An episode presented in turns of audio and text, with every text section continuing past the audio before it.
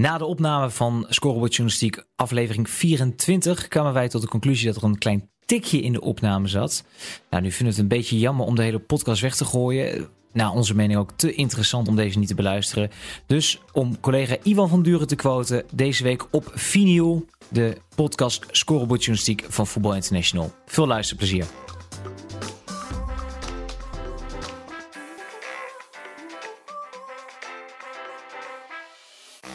Scoreboard Journalistiek, aflevering 24 alweer. Ja, en uh, eentje voor de diepte, eentje voor de fijnproevers, denk ik zomaar. We gaan het hebben eigenlijk over Manchester City en Financial Fair Play. En alles wat erbij komt kijken. Aangeschoven Ivan van Duren, al jarenlang in alles wat met voetbal en centjes te maken heeft uh, gedoken.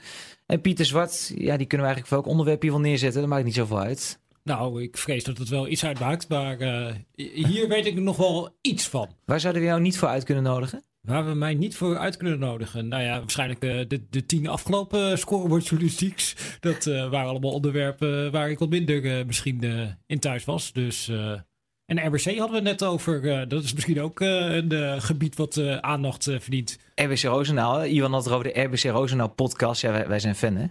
Ja, absoluut. Maar er zijn wel meer. De Siemen podcast in Nijmegen, de Kangaloo. Uh, dus iedere club heeft er eentje. En ik, geniet ervan, van de passie van die mensen. Hoe ze dat maken. Ze gaan tot in de porren van de club. En uh, ja, dat vind ik leuk. Grappig, mooie ontwikkeling. Vroeger had je fanzines, weet je wel. Die blaadjes van onafhankelijke supporters die dan kritisch waren op hun club. En nu heb je een podcast.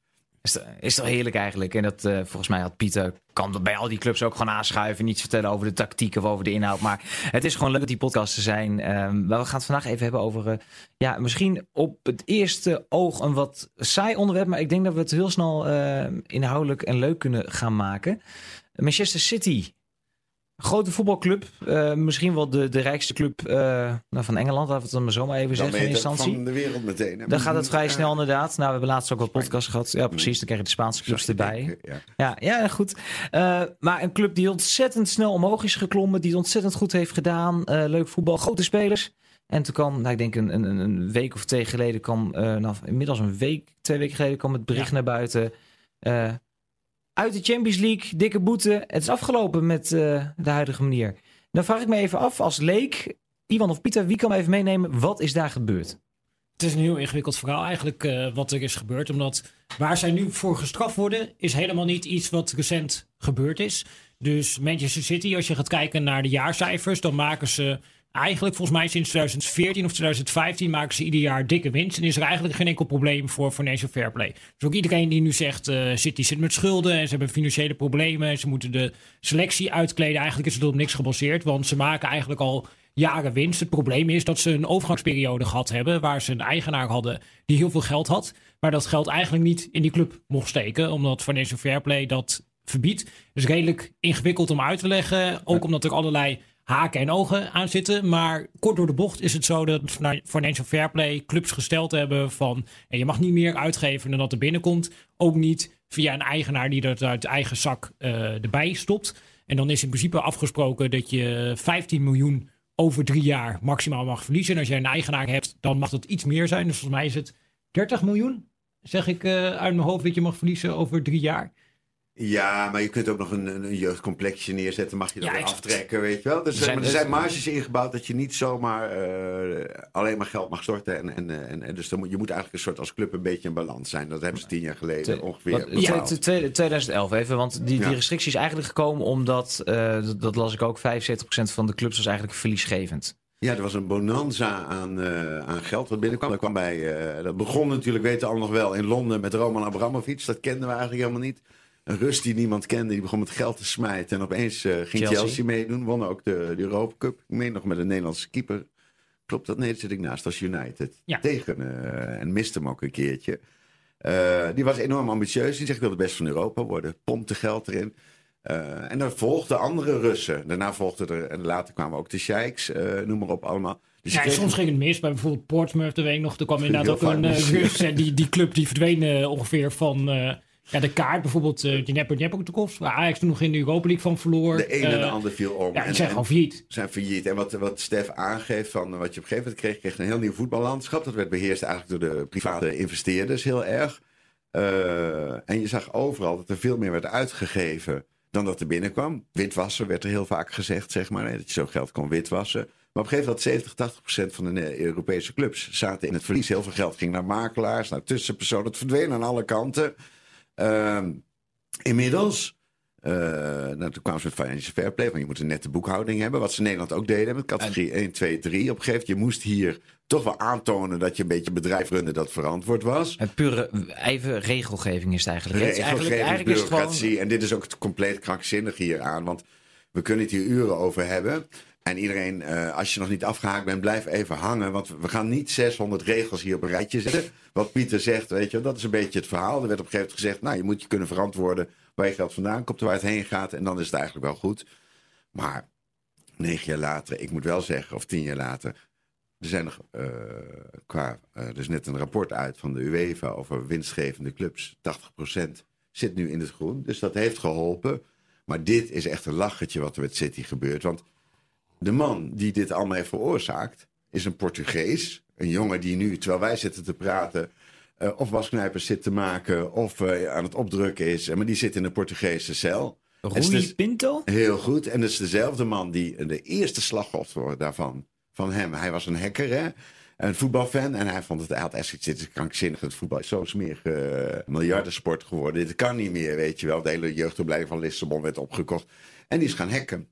Het eerste slachtoffer daarvan is, een, is eigenlijk een landgenoot van ons. Dat was Joop Munsterman. En de verhalen over City nu, de bewijsvoering die wordt gegeven. Want iedereen, je kunt ook een boekhouding maken, maar je kunt ook een tweede hebben en een derde. Wil nog wel eens gebeuren in de voetballerij. Daarom. Dus, dus... Ja, want wat er inderdaad gebeurd is, is dat uh, je mag dus geen, als eigenaar eigenlijk geen geld direct in je club steken. Maar wat natuurlijk wel mag, is reguliere sponsorinkomsten. Wat zie je nou gebeuren bij clubs als Manchester City, maar bijvoorbeeld ook bij Paris Saint-Germain? Dat zij veel sneller dan de rest van de markt in staat zijn om de sponsorinkomsten omhoog te krijgen. Die sponsorinkomsten die komen op een of andere manier altijd via bedrijven die dan uit hetzelfde land komen als de eigenaar uh, en van de club. dat de verliezen daarmee eigenlijk helemaal afgedekt zijn. Dus oh. we hebben 60 miljoen tekort. Nou, 60 miljoen shirt sponsor. Hè? is zoiets. En dat gaat dan wel. Alleen, hoe kom je daarachter? Weet je wel? Dat is het lastige. Want, even voor de basis: het mag dus niet allemaal door die ene private eigenaar de club in worden gegooid. Dat mag niet. Maar via maar Etihad mag het wel. Maar Etihad mag wel. Wat dan weer. Of een bedrijf toch? Of een bedrijf is wat eraan gelieerd is. Of een bevriende. Of in hetzelfde land, dat soort zaken. Dus eigenlijk zijn er gewoon mazen in de wet gevonden om alsnog. Uh, ja, geld binnen te harken. Eigenlijk is dat toch het verhaal? Uh, creatief boekhouden. Creatief ja, boekhouden. Absoluut. En, uh, en nu staat FIFA of de UEFA staat zich op de borst te slaan van hè, we, we, trekken ze naar de dingen toe. Maar degene, zij hadden zonder die hacker, hetzelfde als FC Twente, dat was misschien nu ook nummer 1 van Nederland geweest nog. En uh, had nog gewoon. zij waren de eerste die van de KVB toen een schorsing kregen, drie jaar Europees. Omdat ze hadden, nou laten we het netjes zeggen. Ze hadden niet alle contracten laten zien en een aantal spelers. Hè. Er zaten anderen in. Ik zal het Iedereen weet het nog wel. Dat was van, eh, voor, ik denk als je in de kroeg zegt, ja, dat was allemaal gedonder met Munsterman met de papieren. Daar kwam het ook op neer. Alleen de enige manier waarop we daarachter kwamen, was door diezelfde Portugese jongen die ook bij City de onderliggende contracten, zeg maar de tweede boekhouding, bloot heeft gelegd. Alleen het lullige is, er heeft nog niemand vastgezeten van alles wat hij heeft blootgelegd. Hij zit al een jaar vast. Zo werkt het dus ook deze klokkenluider, die komt niet in een caravan, maar die komt zelfs... Hij heeft 147 aanklachten tegen zich staan. Uh, en een van de aanklagers is ook Doyen, de, de, de, groep die destijds bij Twente actief was. Ja, dus, dus, dus uh, ik vind het wel heel erg belangrijk als mensen hier naar kijken. Dat ze inderdaad dat ze de, in dit geval. Ja, dat, ze de, dat ze de regels begrijpen. Hè, van inderdaad, keurig, de boekhouding klopte niet. Maar zonder een hacker, wat dus crimineel is, hè, of dat mag niet, die man die wordt gepakt, was dit nooit naar buiten gekomen allemaal. Uh, met Twente niet, met City niet. Uh, misschien weet je nog een jaar geleden dat Ronaldo zo slecht in het nieuws was dat hij had iemand had afgekocht in een verkrachtingszaak. Kwam hier ook allemaal uit, uit deze hack, gehackte informatie. Ronaldo en Messi en Neymar, de belastingontduiking hè, met de grote clubs, komt hier ook allemaal uit. Dus het is wel geweldig om daar met twintig advocaten te zeggen: financial fair play werkt. Maar ik zeg eigenlijk, het werkt dus eigenlijk helemaal niet. Want je, je, er zijn duizend creatieve manieren en die worden nu blootgelegd, ook door die jongen. Zijn blootgelegd om dat te ontwijken. Dat is dan de winst. En wat ons journalisten dus niet was gelukt tot op heden. Dus nee, zonder, zonder hacker hadden zij door kunnen gaan. Nou, ik heb hier ruzie gehad bijna over Twente. Dat, er ook, uh, van, over, dat we uit bronnen hadden dat die doyencontracten er waren en zo. Maar dan werd ook gezegd, dan moeten we het wel kunnen laten zien, dat contract. Ja, en zijn Tom Knipping en ik ook nog zo gek dat we het over hebben van zouden we dan toch één keer een hacker laten kijken. Maar dat doen we niet. Niet weet gedaan, je wel? Nee, dat zit, je hebt gewoon spelregels. eh, in het, ah, weet je hoe verleidelijk dat is, weet je wel. En nu heeft kwaliteitskranten zoals het NRC in Nederland... heeft een hele serie van artikelen gepubliceerd. Kun je op internet ook terugvinden. Allemaal uit deze gestolen gegevens. Ik vind dat wel interessant. Want er zit dus één jongen zit vast... Eh Der Spiegel, de NRC, eh, al die journalisten maken de goede sier mee. Ik ben er blij mee, want ik ben altijd die zeiker die zegt... het is een verrotte bende, het maffia. Eh, ik ben er blij mee, er wordt bloot, blootgelegd. Maar wat ik wel heel erg, ja, een beetje Snowden. Dit vind ik wel eh, eigenlijk heel erg triest. Dus ik ben, daarom ben ik ook blij met zo'n podcast als deze. Dan kun je ook zelf wat heb meer, meer ruimte om te vertellen van... hey, je ziet het allemaal, je leest in alle, de beste kranten de beste artikelen. Maar als je het helemaal terugbrengt, is het allemaal gestolen materiaal. Ja, en dan ga ik even En terug. mag dat dus eigenlijk niet? Nee, en dat, dat wordt nog interessant. Daar kom ik later even op terug. Dan wil ik even weer op, op City inzoomen. Eh Pieter, jij noemde het al het voorbeeld van eh, sponsorgelden waar ze mee hebben gesjoemeld. Ik las een stuk wat jij schreef op VI Pro ook nog over het verkopen van portretrechten. Ja, ik, eh, ik heb voor dat stuk ook gesproken met eh, Maarten Fontijn, die destijds betrokken was eh, bij het eh, opzetten van deze hele regelgeving. Omdat hij toen zowel in het bestuur van de ICA zat, wat het, eh, nou, eigenlijk de grootste clubs in Europa zijn daarin eh, ver- eh, verenigd, als in het eh, UEFA uitvoerend eh, bestuur. Dus hij was directeur van Ajax ook. Oude en van AZ ook kennen. nog. Ja. Ja, dus eh, die was daar echt eh, nauw bij betrokken. En die vertelde inderdaad ja, dat dit vanaf het begin af aan de doorn in het oog was geweest van niet alleen hem, maar ook mensen als Karl-Heinz Rummenigge, de voorzitter van Bayern München. Die natuurlijk echt eh, ja, een van de mannen is geweest die dit erdoor heeft geduwd eh, qua regelgeving. Ja. En dat ze meteen door hadden, die gasten van Paris Saint-Germain en Manchester City, ja, die hebben eigenlijk gewoon scheid aan de regels die wij hebben gemaakt. Dat is niet de terminologie die Maarten Fontijn gebruikte, maar Nee. Nee, die is daar iets net voor, eh, netjes voor om het op die manier te zeggen. Maar daar komt het eigenlijk wel om neer. En dat ze gewoon ja, allerlei ja, manieren zijn gaan zoeken om zeg maar wel te handelen volgens de letter van de wet, maar niet volgens de geest van de wet. Dat is natuurlijk eigenlijk wat ze doen, ook met die sponsorcontracten.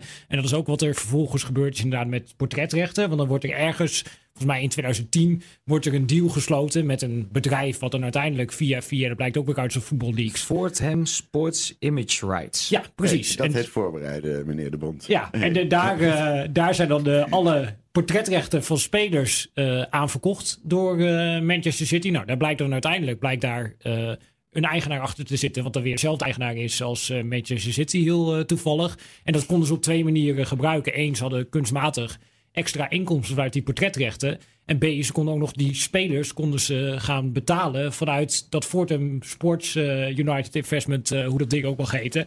Zodat ze via een ja, extra constructie nog extra geld kregen. Bij bijvoorbeeld Mancini, de manager voor eh, Pep Guardiola, zat nog wel Manuel Pellegrini tussen. Maar daarvan is bekend geworden dat hij ja, via die constructie miljoenen extra overgeboekt kreeg. Eh, dat is dus ook een van de trucs die ze gebruik- gebruiken. Plus, ze hebben dat hele internationale netwerk opgetuigd. Ajax was een van de eerste clubs die dat deden. En dat was eigenlijk nog vanuit een soort van idee van... wij zijn de beste opleidingsclub ter wereld. Dus laten we over de hele wereld clubs hebben. Dan eh, kunnen we over de hele wereld spelers opleiden. Nou, Manchester City doet dit ook. Die hebben overal clubs. In Australië, in eh, Zuid-Amerika, in de Verenigde Staten. Je kunt het zo gek niet bedenken. Of Manchester bijna City eentje in Nederland, club. hè? Ja, klopt. Ja, met, niet de eh, kleinste clubs. Hè. Nu, in New York heb je bijvoorbeeld Red Bull tegen, tegen City eh, Ja. Group, zeg maar. Het zijn, het zijn echt, Het zijn echt serieuze bedrijven. clubs. En Ja. die eigenlijk. Ja, en die vallen allemaal onder de City Football Group.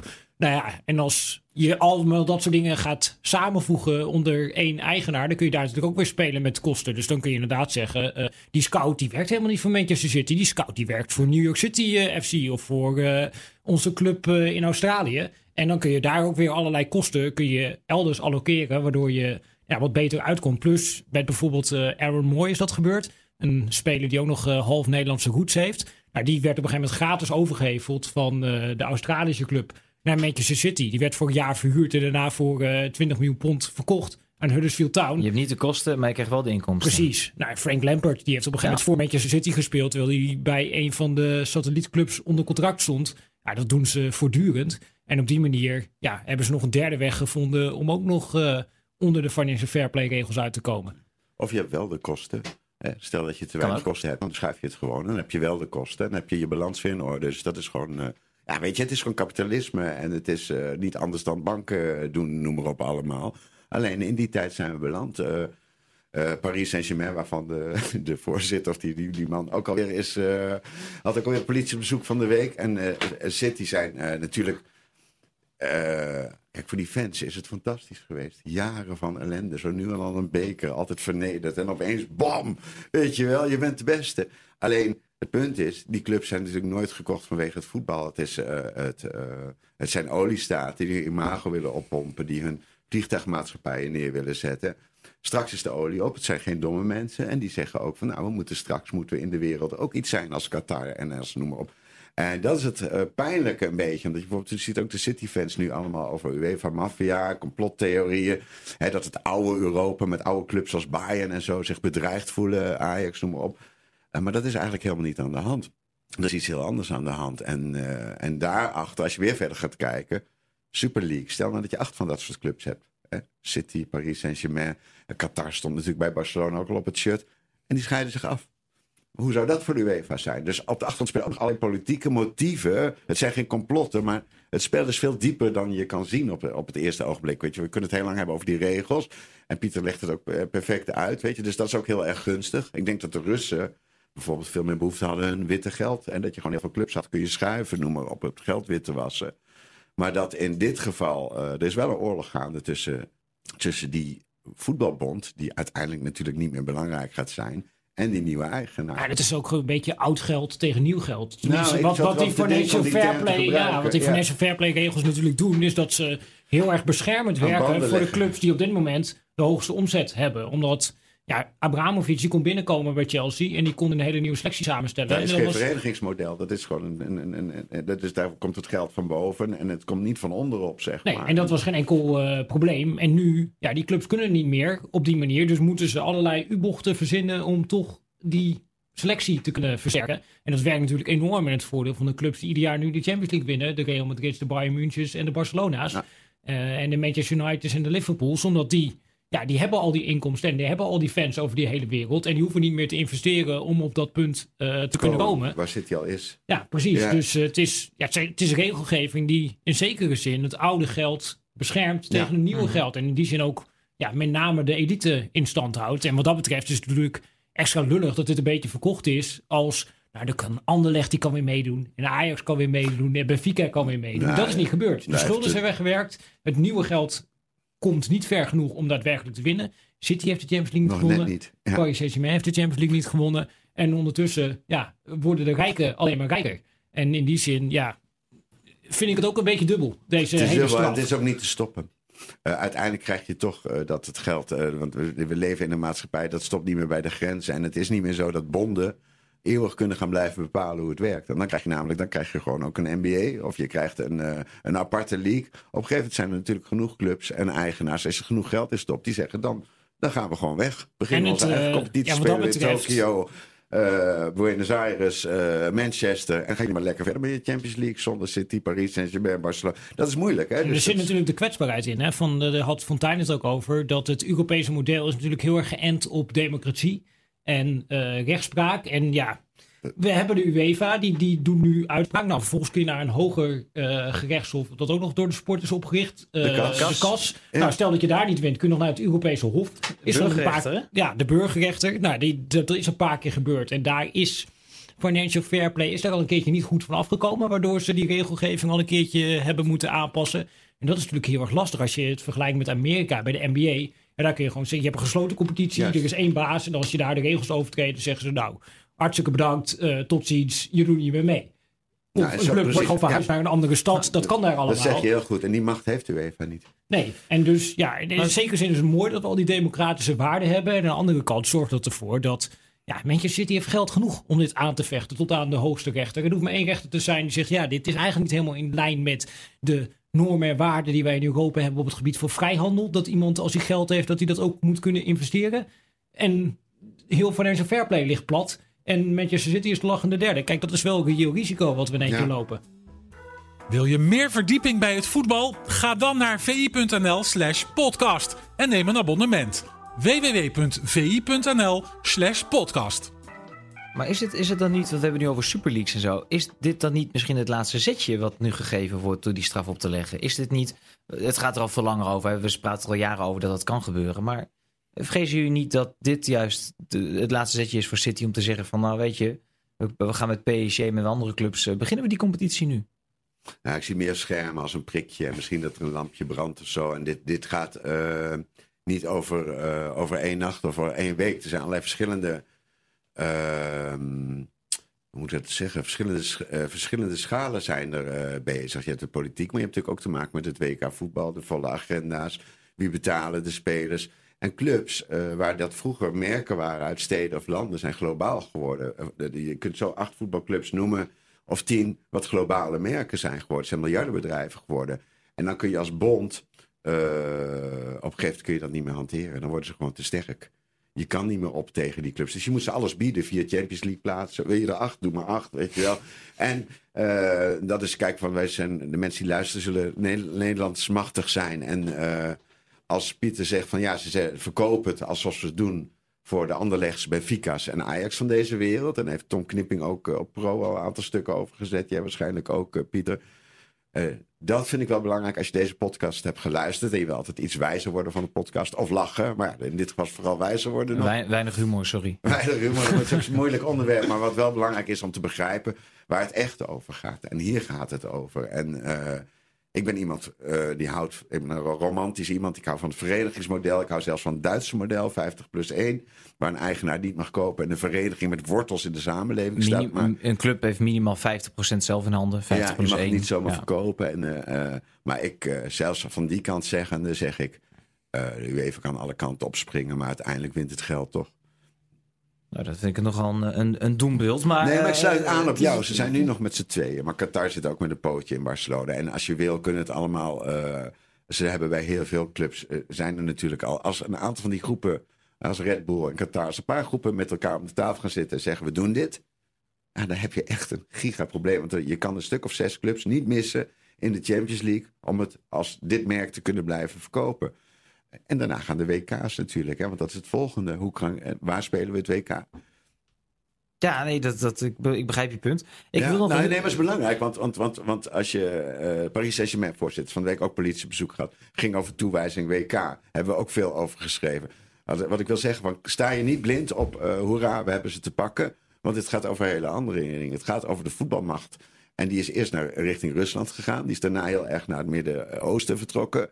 Of het Verre Oosten, nee, het Midden-Oosten. Midden, het Midden-Oosten, Midden-Oosten, ja. ja. Ik zit al bij het Midden-Oosten op een of andere manier met Israël en Libanon. En uh, Ja, ik weet nooit ja. precies hoe. Het is dus naar de Emiraten dan in De golfstaten. De golfstaten, dank je. Ja, dat is een betere term. Naar de golfstaten. En kan zo ook maar weer naar China verhuizen, zeg maar, eh, die macht. Dus vroeger was Europa was het middelpunt van alles. Dat zijn onze competities nog steeds. Alleen dat blijft niet eeuwig zo. Dat is niet, eh, en, en dat is gewoon in de normale politiek al zo. Maar dat is ook in het voetbal zo. Nu, nu wil ik even, voordat deze Super League er is en al deze Ja, sorry, problemen... maar het is wel belangrijk. Nee, het Ja, ja. uitstekend dat je benoemt, maar voordat het er is, want we hebben nog de huidige situatie precies. eh, City heeft een straf opgelegd gekregen, zoals je al aangaf. Daar kunnen ze nog tegen in beroep, en nog een keer in beroep. En dat, dat gaat gebeuren. Eh, maar op dit moment staat er eh, twee jaar geen Champions League voetbal. En omgerekend ongeveer 30 miljoen euro wat ze even af moeten tikken. Ja. Eh, ja, die 30 miljoen is het probleem niet, maar die twee jaar Champions League wel. Omdat dat is natuurlijk niet alleen twee jaar geen Champions League en daarmee ook problemen met nou, hoe hou je spelers vast, eh et cetera, et cetera. En hoe hou je ook nieuwe spelers binnen. Maar ook met gemiste inkomsten. Eigenlijk, als je het gaat kijken naar wat ze nu binnenhalen uit Champions League, dan kost dat ze ongeveer 100 à 200 miljoen per seizoen. Dus je praat dan over een ja, totale som van 400 miljoen mogelijkerwijs wat City misloopt door twee jaar geen Champions League te spelen. En dat is ook voor Manchester City behoorlijk veel geld. En nu- kan ik de grap maken, dan kunnen ze het waarschijnlijk via een eh, sponsorcontractje wel weer aanvullen. Maar dat wordt dan vrij lastig misschien. Hè? Nee, dat is op zich is dat niet lastig. Maar het gaat ook, eh, je wil een wereldmerk worden. En dat is het doel van City. eh. Dus je moet overal jouw, Champions League spelen. Nou, maar ook overal te zien zijn. Iedereen die wel de wereldrus rondvliegt weet dat er zijn twee dingen die je altijd op televisie ziet op vliegvelden. Het is of de Premier League of het is de Champions League. En de ene spelen ze in. Maar het is natuurlijk voor prominent belang om, om eh, als je ziet Liverpool, eh, United. eh, oh, je moet daar gewoon zijn en twee jaar daar weg zijn. Dat kost je ook heel veel exposure. Dat is voor hen denk ik nog wel belangrijker als het geld. Zij willen, net als Red Bull, hè, die willen laten zien van wij kunnen vanuit niets kunnen we noem het maar. Wij worden de beste van Duitsland. We, rijden de hardste Formule 1. Zij zeggen wij komen uit de golfstaten. En daar is de olie straks wel op. Maar wij kunnen alles. Wij bouwen alles. Wij zijn een eh, fenomenaal land. Niemand stopt ons. Nou, en dat, eh, als je dan twee jaar o- niet op het hoogste podium staat, dan is het inderdaad heel veel geld, wat Pieter schetst. Echt enorm veel geld, wat wel significant is. Maar plus, plus sportief, wat Pieter terecht opmerkt. Uh, willen spelers bij je komen voetballen als ze geen Champions League meer spelen? Als je, ja, ja. Nou, die hebben ze ertussen, Ivan. Ik zie jou denken van als ze maar genoeg geld krijgen, komen ze wel. Maar je hebt voetballers die toch de Champions League willen winnen. Klopt. Klopt, inderdaad. En dan zou ik maar niet over mijn. Eh, ja, dat is wel een heel andere gedachte. Ik vraag me wel eens af hoe lang de, de Champions League nog groter blijft dan de Premier League. Maar dat is voor een andere podcast. Maar je ging naar je laatste punt toe. Want het belangrijkste punt was niet het feit dat ze het geld gingen mislopen. of dat de spelers geen Champions League konden spelen. Nee, die hegemonie die ze willen grijpen. Ze willen het wereldmerk worden. Want nu nog uh, Barcelona, Real Madrid. Nou, wie zullen we nog verder bij pakken? United eigenlijk ook nog, hè? Nog steeds. Ja, zeker. merk. Ja. Dat zijn de wereldmerken. Juventus maakt een waanzinnige opgang. Maar het zijn twee Spaanse clubs en een aantal Engelse. En in die race liggen ze voor. Ze liggen hoe dan ook uh, bij de kopgroep. Ja, en dit is, dit, is, dit, is, dit is te veel. Het is gewoon vervelend in eigenlijk het voetbalrisk dat ze aan het spelen zijn. Ja, Want eigenlijk gaat het inderdaad om gebieden veroveren. In China is een groeimarkt. Ja. hey, wie wordt daar uh, jouw fan? Al die jongetjes lopen daar in voilà. van Barcelona en Real Madrid. En als jij je daartussen nestelt, kijk, het maakt hen niet uit dat jij niet zo'n grote historie hebt. Of dat jij dit met geld hebt wat misschien een beetje dubieus is. Ja, dat geldt voor India, dat geldt voor de Verenigde Staten, dat geldt voor al die groeimarkten. Dat is het. En het is nu de, het grote gevecht om al die groeimarkten. En als je dan twee jaar eigenlijk uitgeschakeld wordt in het gevecht op de groeimarkt, dan heb je gewoon een probleem. Het is als Coca-Cola twee jaar niet te spelen mag of de, iets niet mag sponsoren en Pepsi overal opeens wel is. Dan krijg je dus mensen van 13, 14, 15 die, die weet je, de nieuwe fans in de wereld zijn veel minder trouw geworden dan de, de fans uit de steden en landen vroeger. Die zeppen net zo makkelijk na een tijdje naar een andere club. Ze vliegen vanuit uh, China met twee City-shirtjes. Ze gaan een weekend naar Manchester.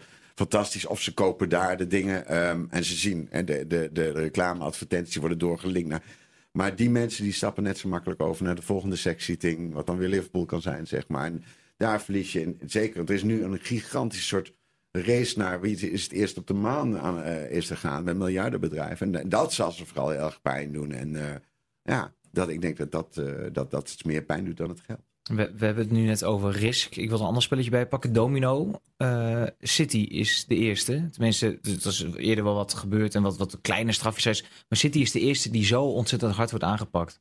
Ja, AC Milan is op een gegeven moment een jaar er ook uit geweest. Maar die hebben er ook op een gegeven moment een soort van vrijwillig voor gekozen. Omdat ze dachten, we gaan ons er niet kwalificeren. Had niet zoveel zin in die tussenjaartje, dat komt inderdaad wel uh, aardig uit. Maar van de echt grote clubs is inderdaad City de eerste die nu vol aangepakt wordt. Maar, Chelsea is ook een hold gezet, hè? Maar dat had dan met jeugdspelers ja, dat, ja, dat heeft Barcelona natuurlijk ook gehad. Ja, precies. Nee, oké, maar ik bedoel mij aan te geven, dit twee jaar uit de Champions League. Uh, dat is natuurlijk wel echt voor, voor zo'n grote club natuurlijk wel heel groot. Ga, gaan we dit meer zien? Ga, is dit het domino-effect? Gaat PSG nou volgen? Gaat misschien ja, toch Chelsea nog volgen? Ik denk echt dat het twee kanten op kan. Dus het, inderdaad, dit kan het scenario zijn dat uh, ze nu dit aanvechten. Dat de UEFA dit wint en dat ze dan doorpakken. Dat ze nu zeg maar het signaal hebben afgegeven en dat ze hierop door kunnen.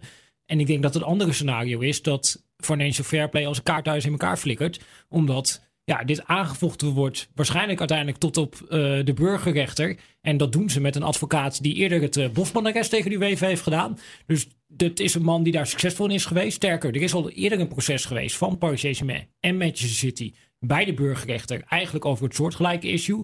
Toen heeft de UEFA al bakzeil moeten halen en hun regelgeving in financial fair play aan moeten passen. Ja, ik zou er als ik bij de UEFA zou werken, zou ik niet zo heel erg gerust op zijn dat ik hier echt hele lekkere papieren in handen heb.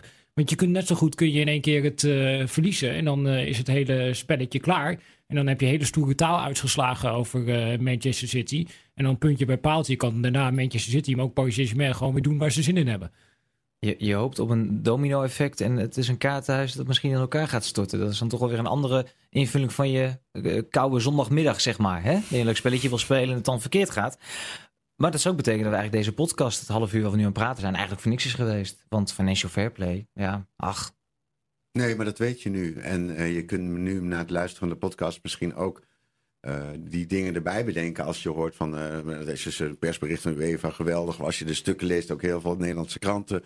Dan weet je in ieder geval iets meer. Dat het gaat helemaal niet over klopt die, boekhouding wel of niet? Of was dat velletje er wel of niet? Je weet in ieder geval al waarom in Duitsland en overal spandoeken worden voor Rui Pinto omhoog worden gehouden. He, die jongen die dat allemaal veroorzaakt. Die jongen die dat voor het voetbal ook deed. Alhoewel hij nog wel een keer ergens geld heeft gevraagd, maar dat is weer een ander verhaal. Uh, je weet nu ook dat dit een machtsstrijd is tussen het nieuwe geld en het oude geld. En je, uh, je weet ook, mag, VI mag ook wel voorspellen, dat de tijden van de bonden langzaam maar zeker voorbij zal gaan. En uh, dat die een hele andere rol gaan spelen. En dat de club-eigenaars heft uiteindelijk in eigen handen gaan nemen. Ook al verliezen ze deze veld, deze, deze hoe heet dat? Slag. Deze slag. De oorlog, die kunnen ze winnen. Ja. Maar de oorlog win je met geld in deze wereld. En zeker in de voetbalwereld. Dus uiteindelijk zal de UWE even op zijn knieën moeten. Want een cynische conclusie eigenlijk. Ja, jammer is dat. Hè? Maar dat, uh, ja, je bent journalist en je beschrijft gewoon een sport die je volgt. Uh, en je ziet eigenlijk al vanaf begin deze eeuw dat het steeds meer gaat om die munten en steeds minder om die punten. En door die munten krijg je trouwens wel weer. Het gaat om de, punten, maar die krijg je door de munten. Ja, de onschuld is volledig voorbij. Het is een miljardenindustrie geworden en, uh, en zo is het. En, maar het is, ja, ik weet niet of dat cynisch is. Weet je. Is het cynisch dat de wereld zich zo slecht. Hoe, hoe, de wereld wordt ook veroverd door Paris en door uh, City. En ze brengen ook heel veel dingen. En heel veel mensen, de jongeren, vinden het prachtig. Als ik Frankrijk loop, iedereen loopt in een Paris Saint-Germain shirt.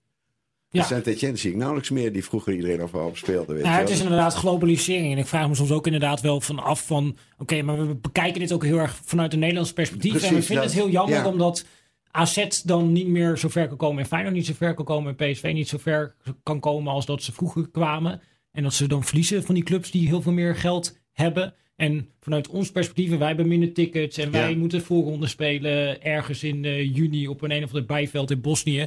En dan als Nederlandse voetbalfan denk je, bah, wat, wat een vervelende ontwikkeling. Maar misschien ziet die fan in India, die misschien wel net zoveel recht heeft op mooi voetbal als wij, het wel fantastisch. Dat hij iedere week kan kijken naar de grote sterren die bij de grote teams spelen. Ja. En die beter voetbal voorgeschoteld krijgt dan ooit. En is, zijn wij als Nederlandse fans dan meer waard dan al die fans in India? Dat is denk ik ook een vraag die je zelf moet stellen. Ja, en dat ook, je kunt je ook afvragen wie is er, uh, wie is er belangrijker? Uh, Gini Wijnaldum of de hele Eredivisie met Ajax erbij? Dat is een wereldmerk. Als die ergens uit een vliegtuig stapt, dan dat is. Dus, dus wij zitten een beetje mopperend. Wat mij nog steeds verbaast is als je naar de Fox kijkt, cijfers kijkt. Mensen willen, en ook als blad, mensen willen nog steeds alles van het Nederlands voetbal. Dat willen ze. Dus dat blijft toch dichtbij en herkenbaar, zeg maar. Maar ik moet eerlijk zeggen, ik zit als ik het weekend. Uh, ik zet ook gewoon even drie competities langs hoor. Van, het komt ook in je huis, Barcelona, Liverpool en noem maar op allemaal.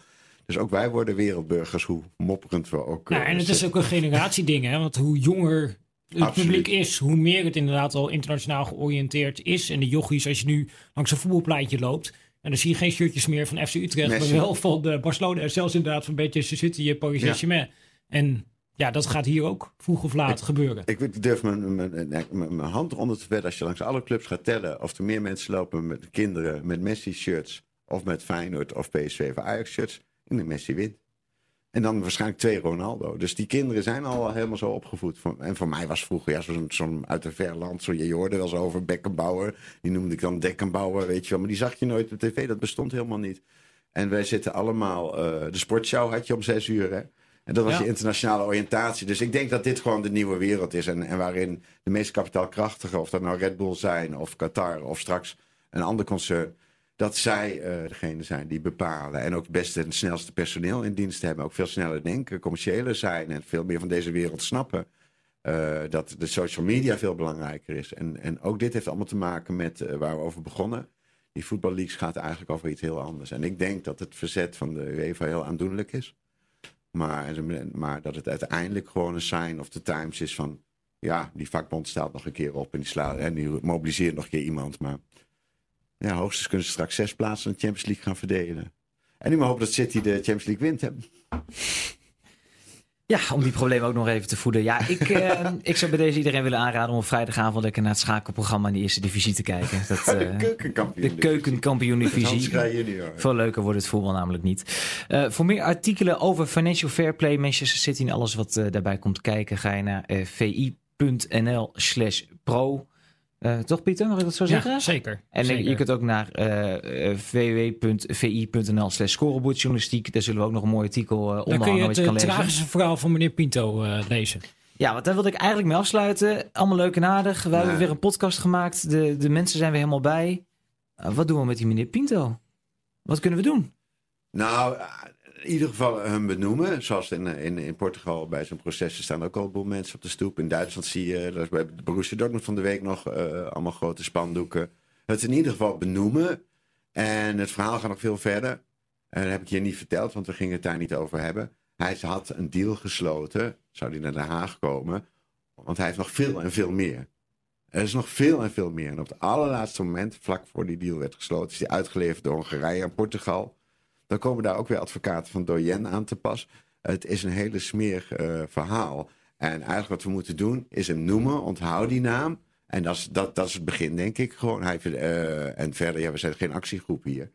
Uh, maar ik vind het wel een beetje gênant dat iedereen er zoveel mee bezig is. En dat de man die aan de basis staat van alles ligt weg te rot in de cel. Nou, weg te rot. Hij zit er al een jaar. Ik moet er zelf niet aan denken. Rui Pinto, onthoud die naam. Ja. Dankjewel, heren. Dank je. Graag gedaan.